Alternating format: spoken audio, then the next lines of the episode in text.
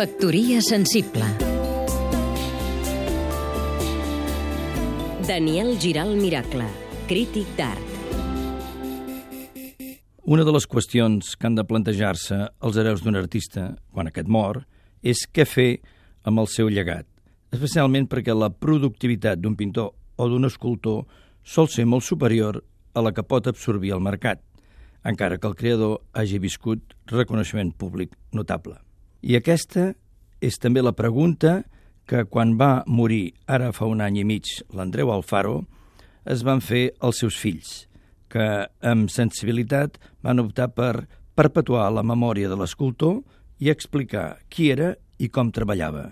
Per això van decidir, d'una banda, endegar una pàgina web eh, des de la que donarien a conèixer l'obra del pare, i de l'altra, transformar l'esplèndid taller que l'Andreu tenia a Godella, a pocs quilòmetres de València, on treballava en els metalls, els marbres, la fusta i el gravat, transformar-lo en un espai d'exposició permanent on presenten una seixantena d'obres i una vintena de dibuixos que han triat d'entre tot el seu llegat, juntament amb un grup d'amics de l'escultor, bons coneixedors de la seva obra.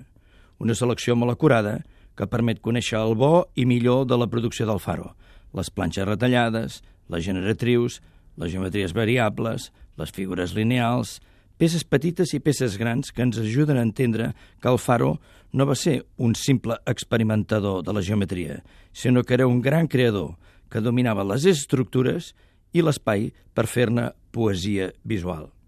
Ara, anar a Godella, us ho asseguro, paga la pena. Factoria sensible